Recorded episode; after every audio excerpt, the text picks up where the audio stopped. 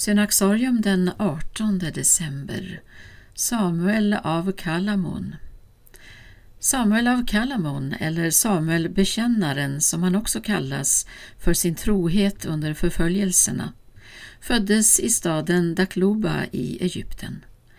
Likt den gammaltestamentlige profeten vars namn han bar var Samuel redan som barn överlåten åt att tjäna Gud. En stor del av sin ungdom tillbringade han i Makariosklostret i Sketisöknen, där han var lärjunge till en andlig fader som hette Agaton. I klostret vigdes Samuel till präst och blev med tiden känd för sin stränga askes. Samuel levde efter schismen vid kyrkomötet i Kalsedon år 451 denna hade lett till att kontakterna brutits mellan de orientaliska kyrkorna och den bysantinska kristenheten.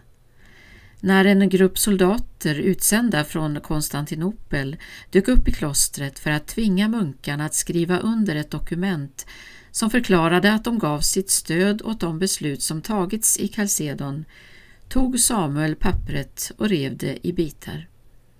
Han pryglades av soldaterna för sitt frimodiga tilltag och tvingades senare även att lämna klostret. Samuel begav sig nu till övre Egypten där han levde på berget Kalamon. Där växte fram ett kloster som finns kvar än idag.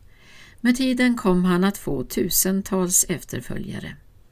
Under en period var Samuel fånge hos de soldyrkande berberna som försökte förmå honom att avsäga sig sin tro, men utan att lyckas.